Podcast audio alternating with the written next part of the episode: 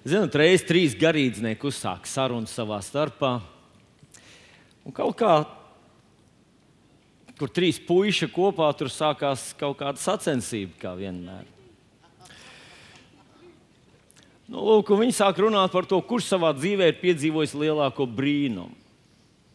Katolis, protestants un rabīns. Un katolis iesāka. Savā dzīvē es piedzīvoju vienreizēju brīnumu. Reiz es devos uz vienu ļoti attālu diacēzi. Braucām ar mazu, mazu uh, kuģīti, mazu tupelīti. Un pēkšņi visapkārt ap mums sākās milzīga vētra. Viļņi kā piecstāv mājas gāžās pāri mūsu mazajam kuģītim. Un visi jau mēs domājam, ar mums ir cauri. Un tad es lūdzu, es lūdzu, es lūdzu.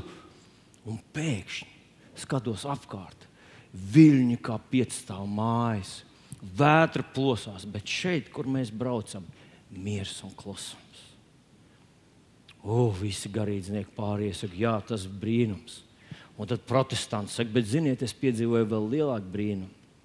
Reiz es devos uz kārtējo mūsu konferenci.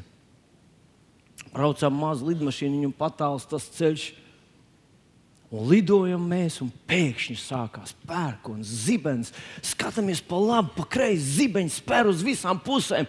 Domājam, no ar mums ir cauri. Un tad es lūdzu, es lūdzu, es lūdzu. Un pēkšņi skatos, visapkārt zibeņi spēr un, un zibeņo. Bet šeit, kur mēs lidojam, miers un klusums.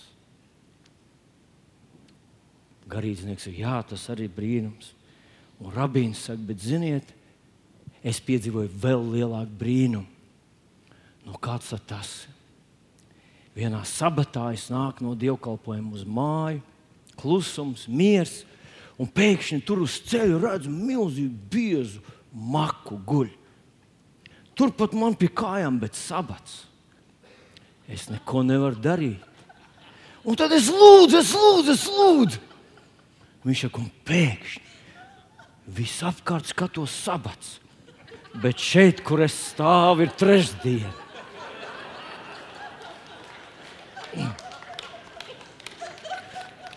Es domāju, jūs piekritīsiet, ka vienas lūkšanas rezultātā nevis par dienu nomainījās, bet par pusnedēļu, par četrām dienām. Viss. Nu, jūs zināt, gads ir beidzies gandrīz, vai ne? Un es domāju, ka katrs no jums piekritīsiet, esam piedzīvojuši kādu brīnumu. Nākamā svētdiena jau ir tāds nu, svētku vakars, un pēc tam ir 31. Un būtu svarīgi, ka tu atvēl Dievam kādu laiku, lai Viņš uzrunā tevi par nākamo, un lai tu paskaties arī atpakaļ ar pateicību uz to, ko Dievs ir darījis tavā dzīvē. To, ka tu būtu nodzīvojis gadu bez Dieva palīdzības, man nestāsti. Tas nav iespējams. Viņš saka, ka viņš liek saulē spīdēt par labiem un ļauniem, un lietumu līt par taisnēm un netaisnēm. Visa pasaule šobrīd eksistē, tāpēc, ka Dievs to uztur. Saka, Dievs uztur. Un droši uzaicinu kādu savu paziņu, kā draugu līdzi uz nākamo svētdienu. Es ticu, ka tam ir nozīme, ka tam ir, ir kaut kas īpašs, kad mēs pārvaram savus kompleksus un varbūt arī tos viņu iebildumus un vienalga aicinām. Kādreiz cilvēks atsaucās ne tāpēc, ka tu ļoti labi vai vai perfekti, vai kaut kā īpaši aicināja, bet tāpēc, ka vienkārši nebeidz aicināt. Un tad viņi atnāk un viņi sastopās paši ar kungu Jēzu Kristu. Un to ir iespējams izdarīt.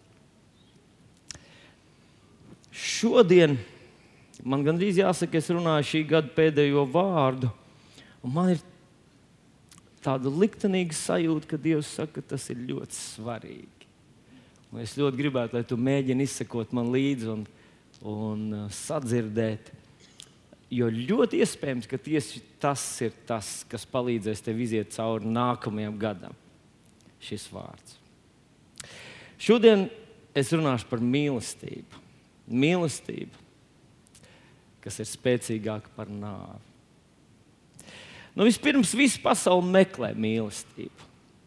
Un to varbūt uh, sauc dažādos vārdos, un dažādi apzīmē, un dažādas bildītas tam lieto, bet es uzdrošinātos teikt, ka nav neviena žurnāla, nevienas avīzes, uh, kurā nebūtu iepīta kaut kāda šī mīlestības tēma.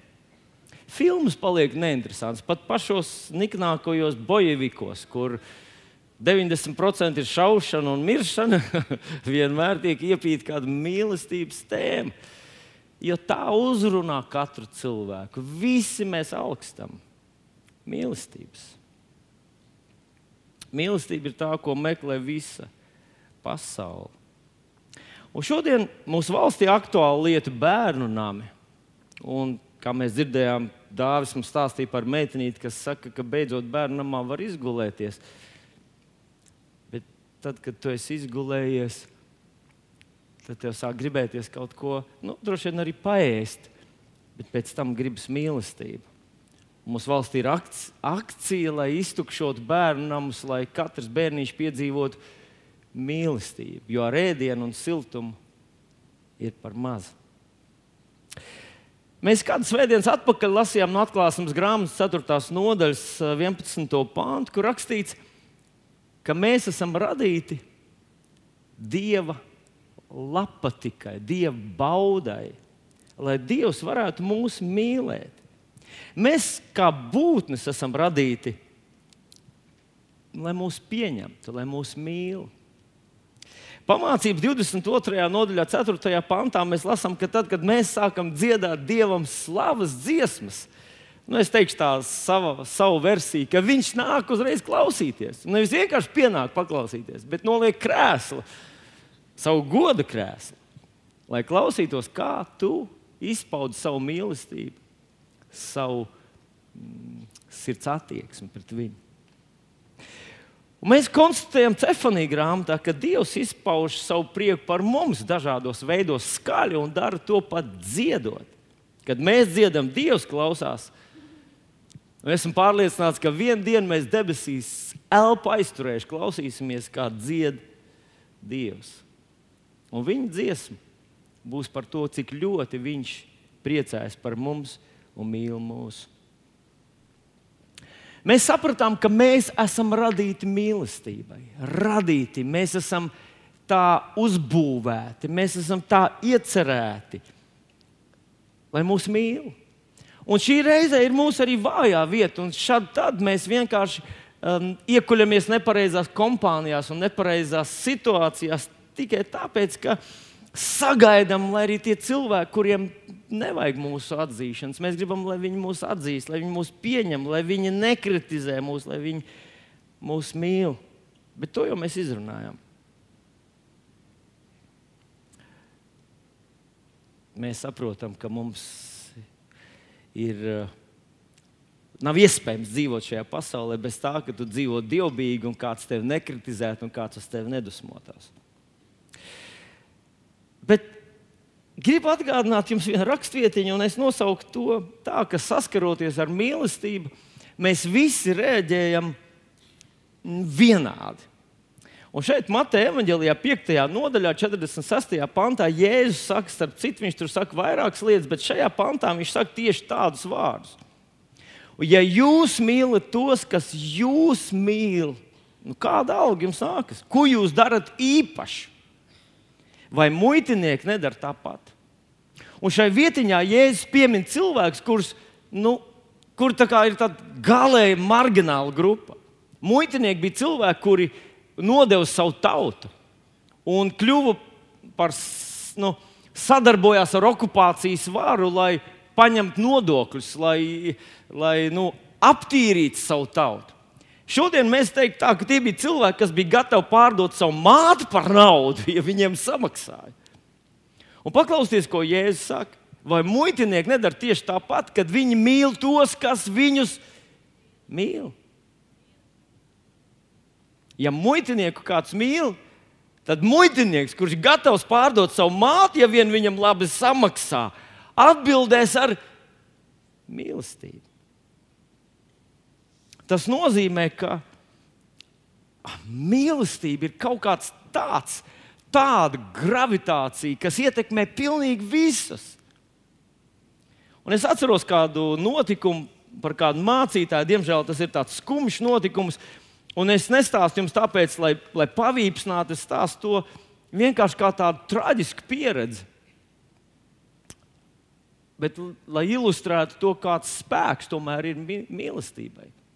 Kāds mācītājs, kurš bija ļoti, ļoti, nu, teiksim, ļoti godīgs un sirsnīgs mācītājs, viņš uzzināja, par savu kolēģi, kurš mācītāju, kurš bija pametis savu ģimeni, atstājis savu sievu un savus bērnus. Un tas viņu tik ļoti aizskāra, ka viņam gribējās kaut kā līdzēt tai pamestajai ģimenei un pamestajai sievai. Un viņš satikās ar viņu, un viņš centās no savas puses kaut ko darīt, lai, lai atbalstītu viņu šajā grū, ļoti grūtajā situācijā. Viņš konstatēja, ka situācija ir ļoti smaga. Tā sieviete ļoti dramatiski to pārdzīvoja. Un viņš saprata, ka ar vienu reizi nekas nebūs. Viņš gāja atkal un atkal, gāja uz mājām un centās izteikt to savu uh, atbalstu, to savu uh, mīlestību, to savu nevienaldzību.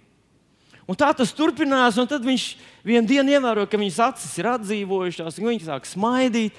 Un tad tas turpinās un turpinās līdz vienā dienā viņš konstatēja, ka viņš ir aizņēmis tā iepriekšējā vīra vietu. Un, kad tas nāca gaismā, visi bija nelaimīgi.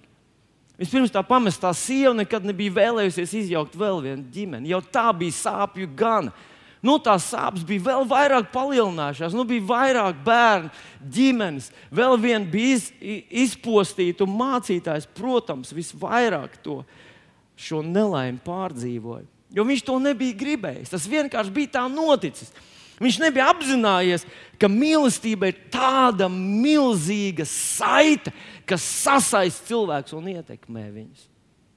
Un es savā kalpošanā esmu piedzīvojis, kad viens jauns puisis man pienāk un viņš saka, es sastopos ar kādu, kādu mm, vientuļu māmiņu. Un tad man sirdī rodas tāda līdzjūtība, un, un pēc kāda laika es konstatēju, ka esmu iemīlējies viņā. Viņš teica, kad es konstatēju, ka esmu iemīlējies trešā vientuļā māmiņā, es sapratu, ka kaut kas ar maniem nav kārtībā. Ir kaut kādi elementāri likumi, kurus jāievēro, lai neiekultos tādās ķibelēs. Un kādreiz mēs to palaidām garām. Bet šodien es vienkārši gribu, lai mēs padomājam par to, ka mīlestībai ir milzīgs spēks. Dažreiz ir dzirdēts par jaunu meiteni, kas aprec absolūti, absolūti uh, pazuduši, teiksim, tā, absolūti bezcerīgi alkoholiķi.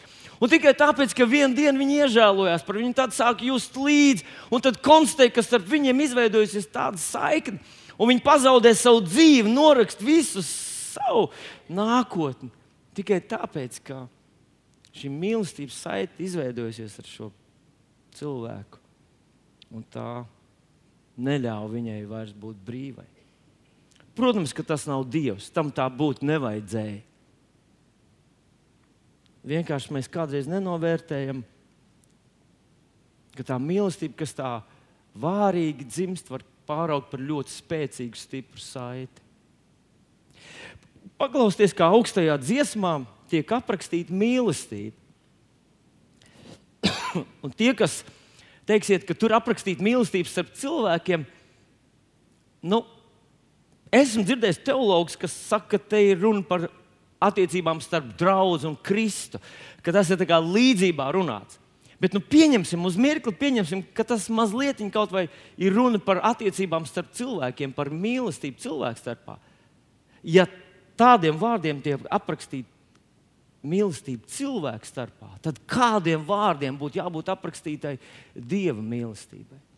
Nu, paklausieties! augstā dziesma, 8. nodaļa, 6. pants. Jo mīlestība ir spēcīga kā nāve. Tās karstums ir varants kā elle. Tās versme ir ugunīga un tās liesmas ir kā dieva liesmas. Liela ūdeņa nevar apdzēst mīlestību, nedz arī ūdens traumas to apslīcināt un nomākt. Un, ja kāds pat visu savu namu pārticību būtu ar mieru atdot par mīlestību, viņš tomēr paliktu par apsmieklu. Nav iespējams nopirkt šo versmu, šīs liesmas, šīs dieva liesmas, šo karstumu.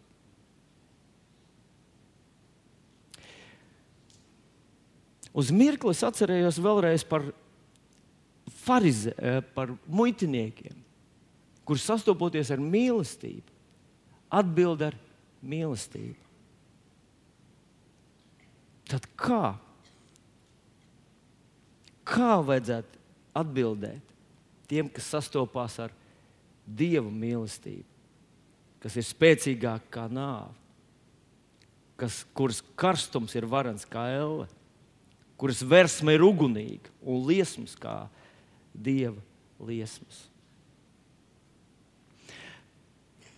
pašā Jēzus kalpošanas sākumā, kad viņš tiek kristīts un svētais gars nonāk no debesīm uz viņa redzamā veidā, notiek vēl kaut kas zīmīgs. Un es domāju, kādreiz mēs to palaidām mazliet garām. Un tas ir Mata evanģelijas 3. nodaļa, 17. pāns, kur balss atskan no debesīm. Svētais gars nolaižās, jēzus tā ūdenī, un pats Dievs Tēvs no debesīm saka šos vārdus: Šis ir mans mīļais dēls. Citiem vārdiem, pirms Jēzus sāk sludināt, un pirms Jēzus um, kalpo un sludina un sprediķo pats Dievs. Un šeit piedodiet man par, par uh, uh šo te, uh, citātu, bet manuprāt, kādreiz runājot par Dievu, viņš ir ļoti, ļoti pareizs. Ka, ja tu gribi, lai kaut kas ir izdarīts, tad izdari to pats. Un šeit Dievs neuztic to nevienam citam pateikt. Viņš to pasaka pats no debesīm, dzirdamā balsī. Šis ir mans dēls, un es viņu mīlu. Un te nav vienkārši mana pārliecība, ka te nav vienkārši mīlestība. Nu, tāda teica, mīl dēlu, teica, mīl buļciņus arī, un teica, mīl Ziemassvētkos, iet makšķerēt, piemēram. Tur ir Tur iet runa par tādu mīlestību, kas ir kā spēcīgāka kā nāve, kuras versme ir ugunī, kuras liesmas ir kā dieva liesmas. Viņš saka, tas ir mans dēls, kur es mīlu. Un tad vēlāk, Jānis 3.16. mēs lasām, ka Dievs tik ļoti, tur atkal ir runa par mīlestības intensitāti, mīl pasauli, mīl tevi, ka viņš atdeva savu vienpiedzimušo dēlu. Tad mēs lasām romiešiem 8. nodaļā, ja nemaldos, tas bija 29. pāns, jo kurus viņš sākumā nozīmēs, tos viņš nolēma darīt līdzīgu savu dēlu tēlam, lai viņš būtu pirmsdzimušais daudz brāļu starpā. Citiem vārdiem viņš saka, ka Dievs mūs mīl tāpat, kā viņš mīl kungu Jēzu Kristu. Mīl! Un tad, nu, romiešiem 5, 8, bet Dievs savu mīlestību uz mums ir pierādījis ar to, ka Kristus par mums ir miris tad, kad mēs vēl bijām grēcinieki. Dievs cenšas mums pateikt, ka Viņš mūs mīl, mūs mīl, mūs mīl tik šausmīgi, tik ļoti, tik intensīvi. Un parasti, kad mēs runājam par mīlestību, mēs sākam domāt, nu, ka tas ir kaut kāds, nu, kaut, kaut kāds tāds, mm, kaut, kād, kaut kādas nu, izpaužās darbos. Un, protams, ka tas tā ir. Bet šodien mēs gribētu runāt par tīru mīlestību. Par mīlestību kā tādu. Un tad man ir jāatver vaļā Jāņa Evangelijas 15. nodaļa. Tev ir tā Bībelīte, lūdzu, atver viņu vaļā. Jāņa Evangelijas 15. nodaļa, 9. un 10. pāns, ir, uh, kur es gribētu nolasīt ar jums kopā. Tātad Jāņa Evangelijas 15. nodaļa, 9. un 10. Jēzus saka tādus vārdus: Kā Tēvs mani ir mīlējis, tā es jūs esmu mīlējis. Palieciet manā mīlestībā. Ja jūs turēsiet manus baušļus, jūs paliksiet manā mīlestībā.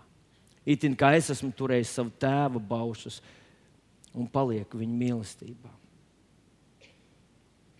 Kā Tēvs mani mīl, tā es jūs mīlu. Palieciet manā mīlestībā. Palieciet manā mīlestībā, paliec mīlestībā.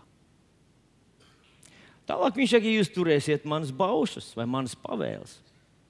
Kādreiz cilvēki saskata šajā desmitajā pantā, ja jūs turēsiet manas baušas, jūs paliksiet manā mīlestībā, ka Jēzus runā par Dieva desmit baušļiem un visu to milzīgo pielikumu, kas tam nāk klāt. Un tas nozīmē, ja tu turēsi sabatu, tad tu paliksi manā mīlestībā. Ja tu nēdīsi cūgaļu, tu paliksi man Ziemassvētkos. tad tu paliksi manā mīlestībā. Ja tu nemelosi, tu paliksi manā mīlestībā. Ja tu neiekāros, tu paliksi manā mīlestībā. Bet, ja tu to visu nedur, neturēsi, tad tu nepaliksi manā mīlestībā. Bet, uh, ja jūs uzmanīgi lasat Jēzus vārdus, jūs nekur neredzēsiet, ka Jēzus kaut kur būtu atsaucies, ka vajag turēt šos desmit paušus, lai gan viņus vajag turēt. Viņš nekur nesaist savu mīlestību ar, ar šo paušu sistēmu. Faktiski, Jēzus kaut kur saka, jums ir sacīts, ienīst savu ienaidnieku, mīli savu tuvāko, bet es jums saku, mīliet savu ienaidnieku un dariet labu viņam. Tā tālāk. Tad viņš saka, jums ir teikts, ja kāds. Um, Uh, ja tu gribi šķirties no savas sievas, rakstīja šķiršanās rakstu. Uh, bet es jums saku, faktiski Jēzus atsaucās uz kaut ko iepriekšējiem pavēlēm. Viņš nesaka, ka tās ir viņa pavēles. Viņš saka, tur Mūzis jums ir teicis, bet es jums saku, viņš atnes pilnīgi jaunas lietas. Un viena no lietām, ko viņš ir pavēlējis, viņš ir pavēlējis Jēzus pavēles. Mīlēt Dievu, mīlēt savu tuvāko. Tas ir tas, ko viņš ir pateicis. Pavēlējis. Un es nezinu, neviena cita lieta, ko Jēzus būtu pavēlējis, kādu bausli teica. Viņš teica, jaunu bausli jums rakstīju, mīliet citu citu. Un īstenībā, kad tu lasi šo 9, 10 pantu, tad tev jāpaskatās mazliet atpakaļ, jo tur ir tieši tas, par ko viņš runā. Un tur iepriekš viņš sāks ar to, ka es esmu īstais vīna koks. Un mans tēvs ir dārza kopējs. Un tad viņš nonāk līdz tam, viņš saka, es esmu koks un jūs esat zāri. Es esmu koks un jūs esat zāri. Un palikt viņa mīlestībā nozīmē palikt kā zaram pie koka. Kā zaram palikt pie koka. Un es iedomājos, nu, es neesmu ļoti stiprs dārzkopībā, bet mazliet kaut ko es no tā saprotu. Un mums ir daži kociņi, un es esmu pamanījis, ka starp koku un zāru nekur nav nekāda slūža pa vidu. Nav nekāda ierobežojuma, nav nekāda durvju, kuras atver un aizver, nav nekāda darba laika. Viss, ko tu iedod kokam, to visu dabū zars. Un šeit Jēzus faktiski, kad viņš saka, es jūs mīlu tā, kā Tēvs man ir mīlējis, tā es jūs mīlu. Un mēs zinām, ka Jēzus teica, ka, ka, ka viņam nav problēmas ar Tēvu, ka Tēvs ar vienu ir pie viņa, ka Tēvs viņam māca un dod visu to, kas Tēvam ir, tas man ir. Viņš to teica, kas Tēvam pieder, tas ir mans. Un viņš mums saka tagad, ka mēs esam pie viņa tā kā zāri. Un tieši tādas pašas attiecības, kā Tēvs mīl Jēzu, tā Jēzus mīl mūsu. Mums ir šī saikne ar viņu tik ļoti cieša, ka tai nevajadzētu būt nekādu pārāvumu. Citiem vārdiem viņš grib mums pateikt, ka Dievs mūs mīl ar beznosacījumu mīlestību. Un mēs neko nevaram izdarīt, lai šo mīlestību apstādinātu, lai to pārtrauktu, lai to padarītu vājāku, lai tā vairs nebūtu dieva liesmas, lai tās būtu tā kā, nu, tā kā tādas, nu, nu, kaut kādas tādas E, nezinu, nu, kaut kas tāds remdens. Mēs to nevaram izdarīt. Viņš saka, ka lai mēs paliekam viņa mīlestībā. Es priekš sevis to atklāju, vēl pavisam jauns mācītājs, kad es biju. Es ļoti daudz ko nezināju, un īstenībā es šo te nebiju izpratis šīs raksturvietas, kuras runā, paliec viņa mīlestībā. Uh, uh, viņa mīlestība tev uzturēs, viņa tev nesīs, viņa tev stiprinās. Ka ticība tā darbojas mīlestībā, un at, mīlestības atmosfēra ir tā, kas aktivizē man ticību. Ticībai ļoti viegli pacelties spārnos, tad, kad tā viņa atrodas mīlestībā. Bet, ja nav mīlestības, tad tas tā kā bezgaisā uh, vicina tos spārnus, bet nekas nenotiek. Un kad es, biju, kad es vēl biju jauns mācītājs, manā dzīvē bija diezgan daudz visādi grūti brīži. Kaut kas no tā varbūt var, varētu saukties izdegšana. Kad tev tā kā liekas, ka lietām jānotiek, un tas ilgstoši nenotiek, un tu piedzīvo vienu pēc otras smagus brīžus, un tu jūties vienā dienā, ka tu esi tukšs. Tu esi tukšs, nomiris iekšēji. No ārpuses tu izskaties vēl ar vienu jauns, bet iekšēji tu esi tukšs un miris. Un es esmu, es to nekad neesmu atļāvis sev nomirt tik tālu. Es vienmēr esmu uh, atradis kādu stūri.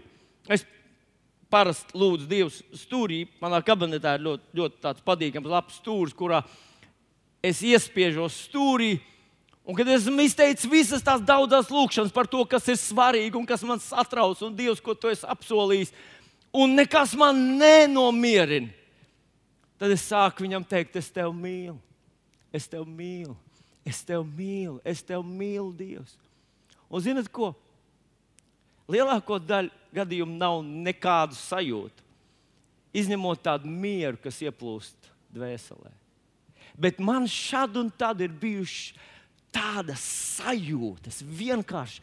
Un es šodien nemudinu, lai jūs viņus meklējat. Es vienkārši saku par to, ka es esmu piedzīvojis kādreiz, ka, ka tā kā tur aprakstīts, ka tās ir kā dievu liesmas, ka tā ir kā spēcīgāka kā nāve, karstums, varens kā elle. Un, un, un tu piedzīvo to, un es saku, Dievs, es tevi mīlu, es mīlu tevi, Jēzus, es mīlu tevi, Svētais Gars, es mīlu tevi, debes Tēvs, es mīlu tevi. Un, un tas nāk par tevi ar tādu intensitāti. Un tad man pielica, ka tā nav mana mīlestība, ko es jūtu. Jūs esat pamanījuši, ka savu mīlestību jūs nejūtat.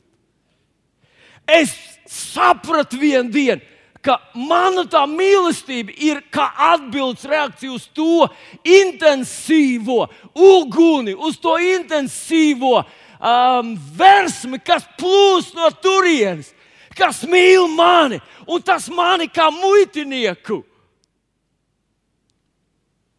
Tā transformē. Ka es saku, Dievs, es mīlu tevi vairāk par savu ģimeni, vairāk par visu. Es mīlu tevi. Un es visu laiku cenšos izgudrot, kas ir vēl manā dzīvē dārgs, ko es varētu pateikt. Es to būtu gatavs atdot. Man, es ar tevi varu cietumā un nāvēt. Dievs, Uu! es nezinu, ko darīt. Es gribu mirt. tādā ziņā, ka būt pie viņa.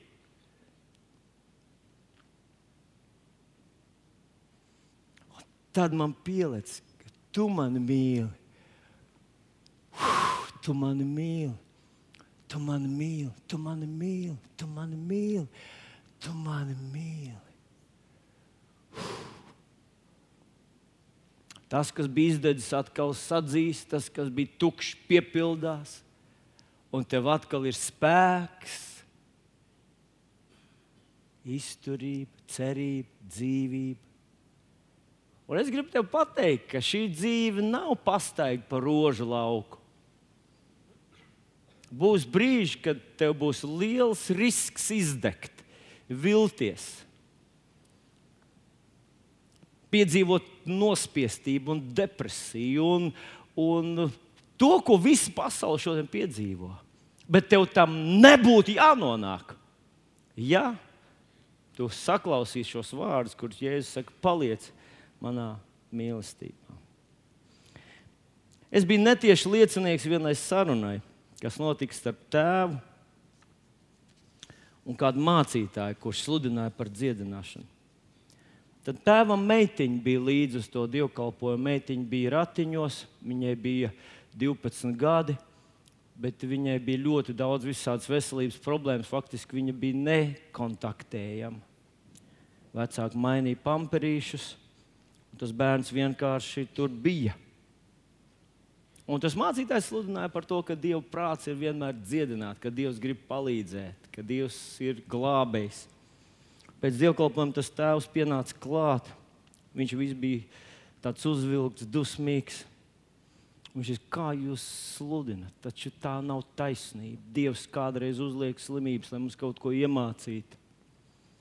Un viņš citēja raksturvietas, tas mācītājs citēja raksturvietas. Man arī bijusi līdzīga saruna ar cilvēku, kuriem parasti vajag dziedināšanu, kaut kā uztver to kā apsūdzību.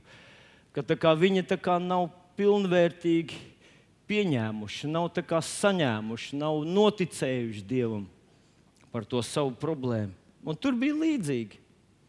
Mācītājs citē kaut kādu rakstu vietu un izskaidro to. Tas saka, tu sagrozi rakstus, viņš citē rakstīt. Mācītājs saka, tu sagrozi rakstus, un tā viņi abi ņēmās kādu pusstundu.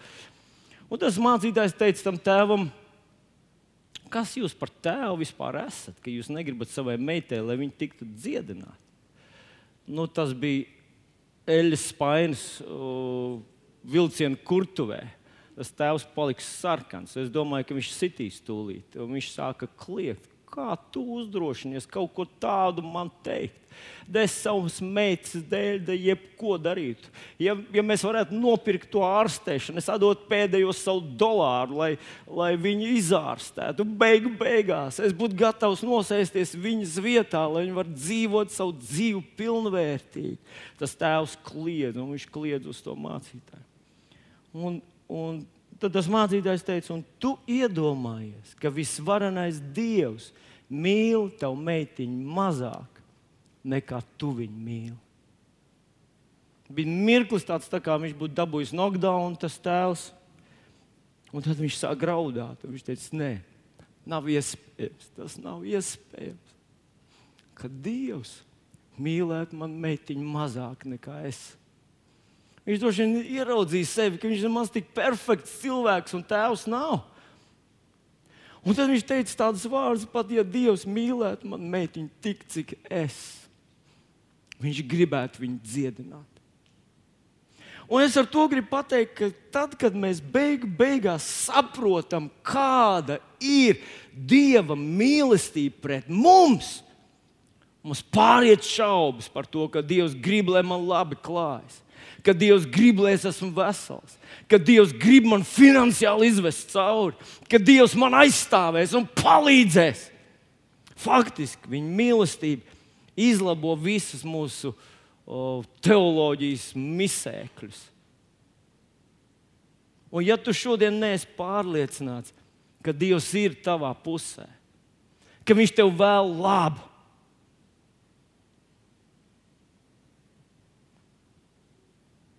Un jā, ir brīži, kad tu dari aplam, kad tu pretojies Dievam.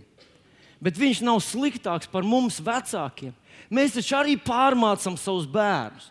Bet mēs viņus nesviežam ārā pa piektā stāvu logu. Mēs nerīkojam viņiem autokatastrofas. Mēs nelaužam kājas un nelaužam mugurkaulus. Mēs tā nedaram. Un jebkurā valstī par tādu audzināšanu uh, cilvēku arestētu un lielikt cietumā. Un mēs apgalvojam, ka Dievs to dara, lai mums kaut ko iemācītu. Domāju, ka tas ir briesmīgs aizvainojums Dievam. Dievs mūs mīl. Un, ja tu neesi par to drošs, ka Viņš ir tavā pusē, tev vienkārši ir sliktas attiecības ar Dievu. Un tev vajadzētu atgriezties tajā vietā, kur tu kā zars esi pieķēries savam kokam. Un tu zini, viss, kas ir kokam, ir tev.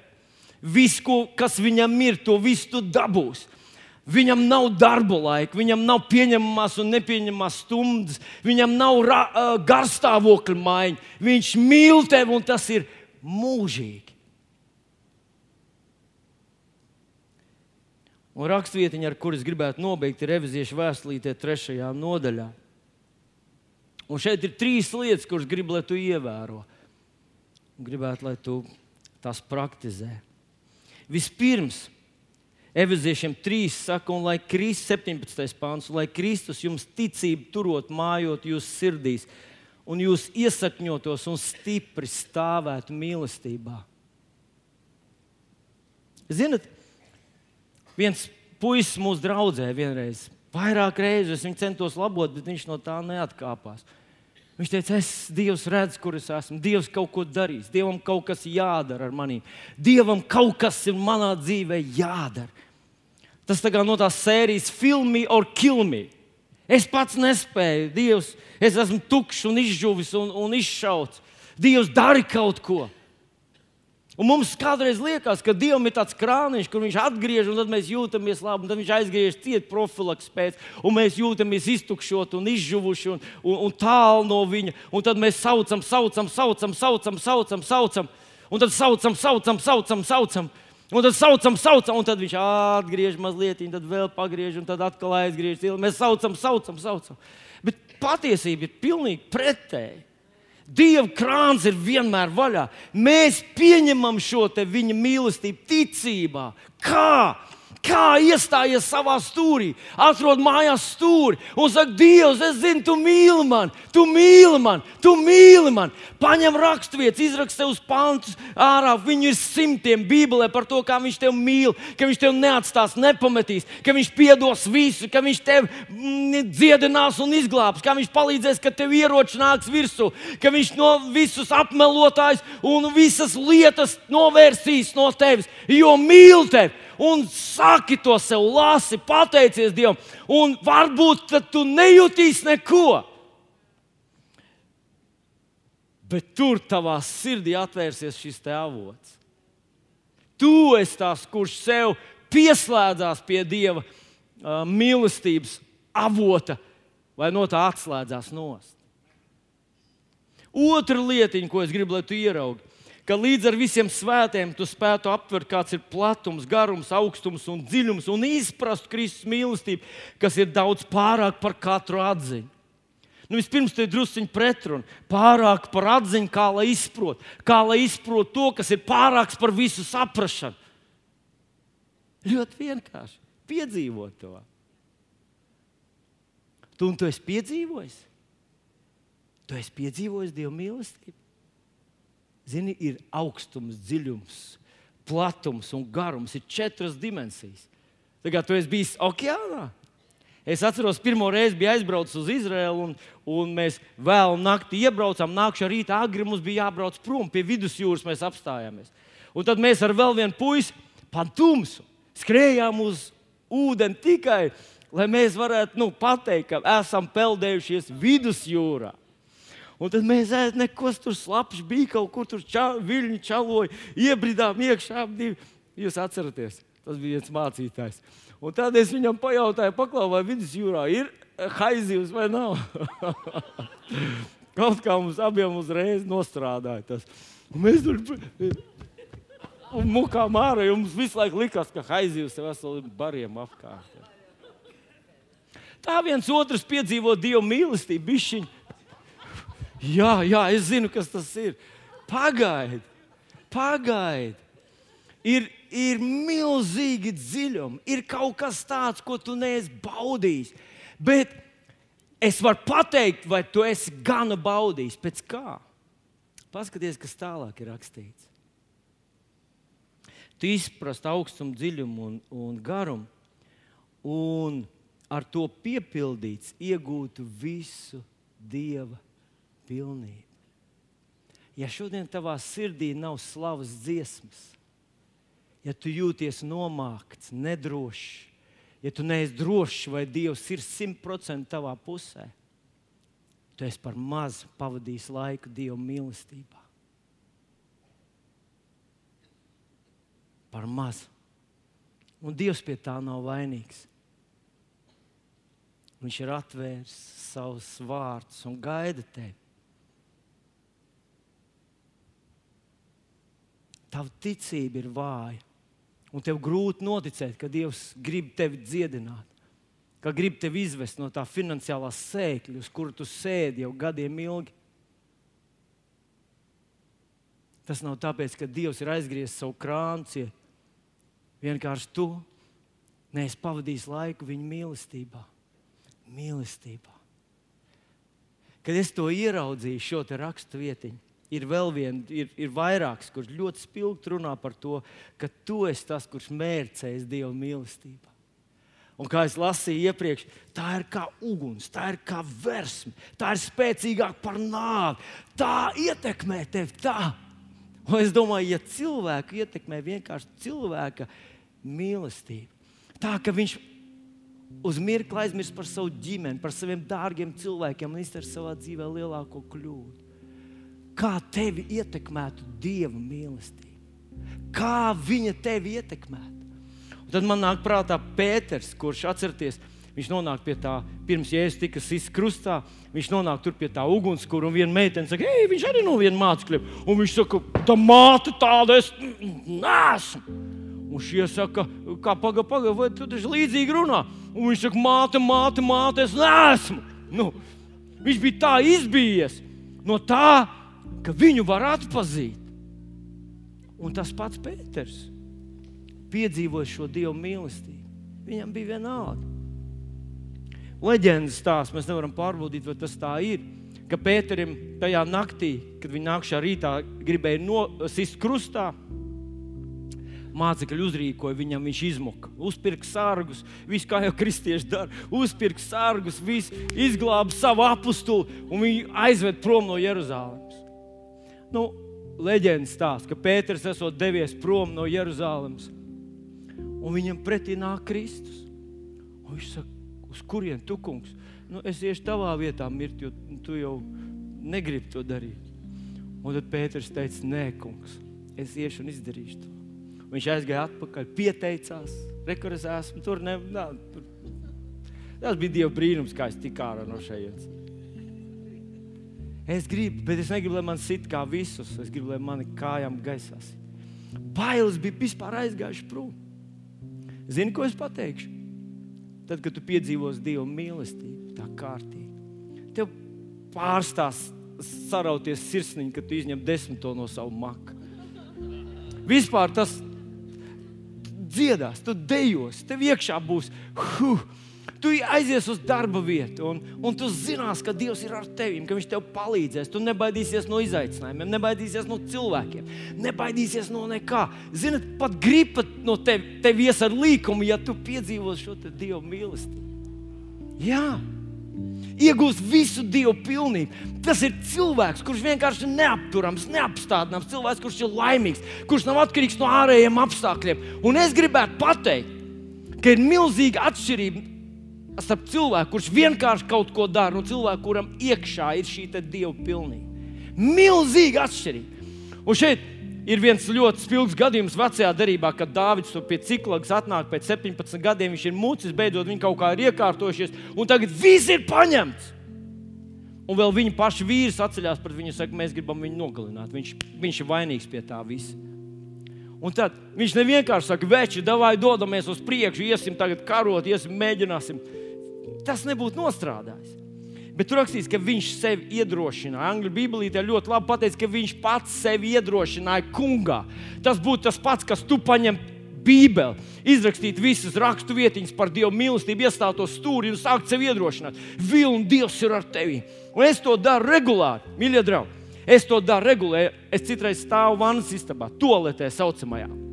Un es skatos sevi acīs, saku, Vilni, Dievs tevi mīl. Viņš tevis dēļ deva savu dēlu. Viņš, viņš tevi atpirka savu dēlu asinīm. Viņš tev deva savu garu. Viņš tevi ir izredzējis. Viņš nevis pēc tavām spējām, bet viņš pēc savas žēlastības nolika tevi tajā vietā, kur tu esi. Dievs tev mīl, viņš tev palīdz 24 stundas diennaktī. Un zini, ka tu tā sevi iebarotos C vitamīns, kas saucās Dieva mīlestības koncentrāts. Tu izdeji ārā no to līdz tev. Nu, visi domā, visi domā, nu, oh, lai, bet, bet iemesls ir cits. Tev mugurā stāv, tu nebaidies. Tu nebaidies no sērgām, tu nebaidies no rītdienas, nebaidies no 18. gada. Tu zini, tevi mīl. Un es gribu tev atgādināt, tu esi tāds radīts. Tu esi radīts mīlestībai. Un zini, tev var būt nauda tev var būt labs darbs, tev var būt tur, nezinu, veselīgs salāts, tu ēd katru dienu. Bet, ja tev nav mīlestības, tev kaut kas ļoti būtisks pietrūkst, un tavs sieva, tavs bērns, tavs vīrs tev to nevar kompensēt. Tāpēc, ja es teicu, paliec manā mīlestībā, turpat tajā Jāņa Evanģelijā 15. nodaļā līdz 9. viņš saka kādā vietiņā, ja jūs paliksiet manī, jūs varēsiet lūgt, ko gribat un tas jums notiks. Un te ir runa par cilvēku.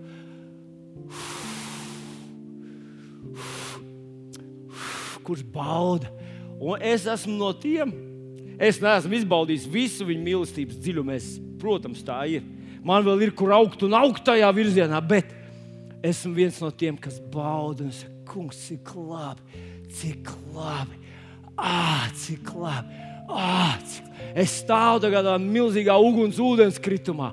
Un citreiz es nejūtu neko, bet jūtu savā garā, ah, upe, tā mīlestības upe, tā versme pār maniem nāk, un tā mani stiprina un piepilda. Es esmu stiprs un dzīves. Es dzīvošu ilgi, es dzīvošu ilgi, es dzīvošu ilgi, es kalpošu, es būšu veiksmīgs. Dievs man palīdz, Dievs man svētīs, Dievs man svētīs.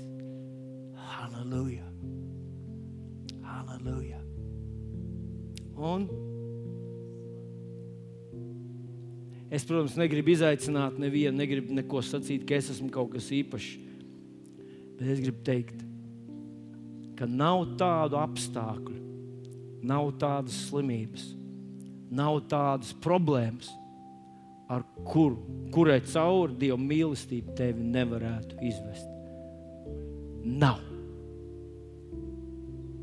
Un, ja tu saki, tu gribi padoties, nolaist rokas tikai tāpēc, ka tu sen neesi bijis Dieva mīlestības ūdenskritumā, Dieva mīlestības niegārā, pastāvējis, aizej pastāv tur, pastāv tur 15 minūtes. Ja tu tur pastāvēsi stundu, pff, tu iekaros pasauli. Iebiks tam, kurš sēž tev blakus. Es, viņš par tevīm runā. Hei, izdegušais sausiņš. Nē, nē, nē tā, tā, tā, nu, tas nebija par viņu. Jā. Paliec manā mīlestībā. Paliec manā mīlestībā. Piecelsimies kājās. Halleluja! Debes Tēvs, paldies Tev par šo brīnišķīgo rītu. Paldies Tev, ka Tu mīli mūs. Pasaki līdzi ar mani, saka, Tu mīli mani. Tu mīli mani. Pats Dievs no debesīm gribēja pateikt, tas ir mans mīļais dēls. Tieši to pašu viņš saka par tevi. Tas ir mans mīļais dēls, mana mīļā meita. Halleluja!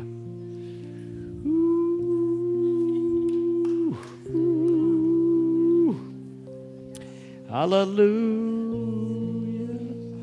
Vēl mirkli aizver ciet savus acis. Nostājies viņu priekšā ļauj, lai viņi neiegās tev piepildi. Halleluja! Halleluja! Halleluja! Halleluja! Halleluja! Halleluja! Kungs, mēs gribam spērt solīti, vēl vienu solīti tavā mīlestībā. Mīlestībā! Ah, tu mīli mani! Uf, tu mīli mani! Uf, pat, kas arī nenotiks šajā pasaulē, tu mīli mani! Par spīti visām manām kļūdām, visiem maniem uh, neceļiem un ceļiem, visām manām vājībām, visiem maniem faileriem pagātnē. Tu mīli mani, tu mīli mani. Tas ir mūžīgi, tas ir nebeidzami. Tu mīli mani. Un tu mīli mani tik tīri un tik intensīvi.